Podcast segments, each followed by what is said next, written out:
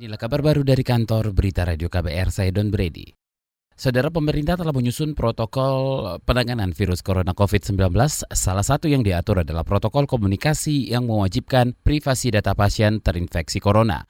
Dikutip dari CNN, Kepala Staf Presiden Muldoko telah meminta Menteri Dalam Negeri dan Menkominfo mengatur protokol komunikasi dengan menetapkan kewenangan pemerintah pusat dan daerah dalam menyampaikan informasi soal corona.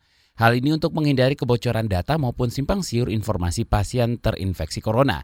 Dalam penyusunan itu diatur pula protokol penanganan di perbatasan atau pintu-pintu masuk menuju Indonesia. Muldoko mengatakan perlu sertifikat kesehatan bagi warga yang datang dari empat negara epicentrum seperti Cina, yakni Korea Selatan, Jepang, Iran, dan Italia.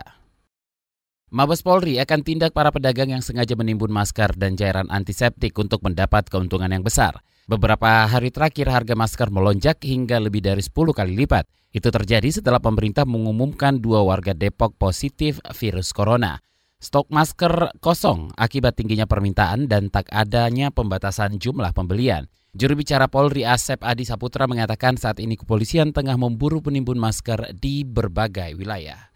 Secara serentak, Polri melakukan upaya penegakan hukum terhadap para pelaku yang diduga melakukan penimbunan masker dan juga sanitizer dan termasuk di dalamnya para pelaku yang dengan sengaja untuk mencari keuntungan lebih besar menaikkan harga masker dan juga sanitizer dengan harga-harga yang sangat tinggi.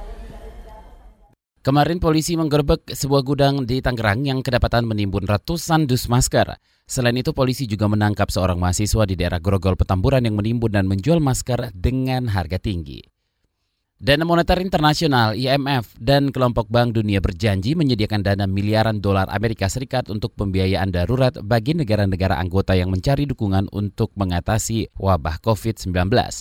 Dilansir dari antara Direktur Pelaksana IMF Kristalina Georgieva mengatakan IMF menyediakan sekitar 50 miliar dolar Amerika Serikat melalui fasilitas pembiayaan darurat yang cepat pencairannya untuk negara-negara berpenghasilan rendah dan negara berkembang.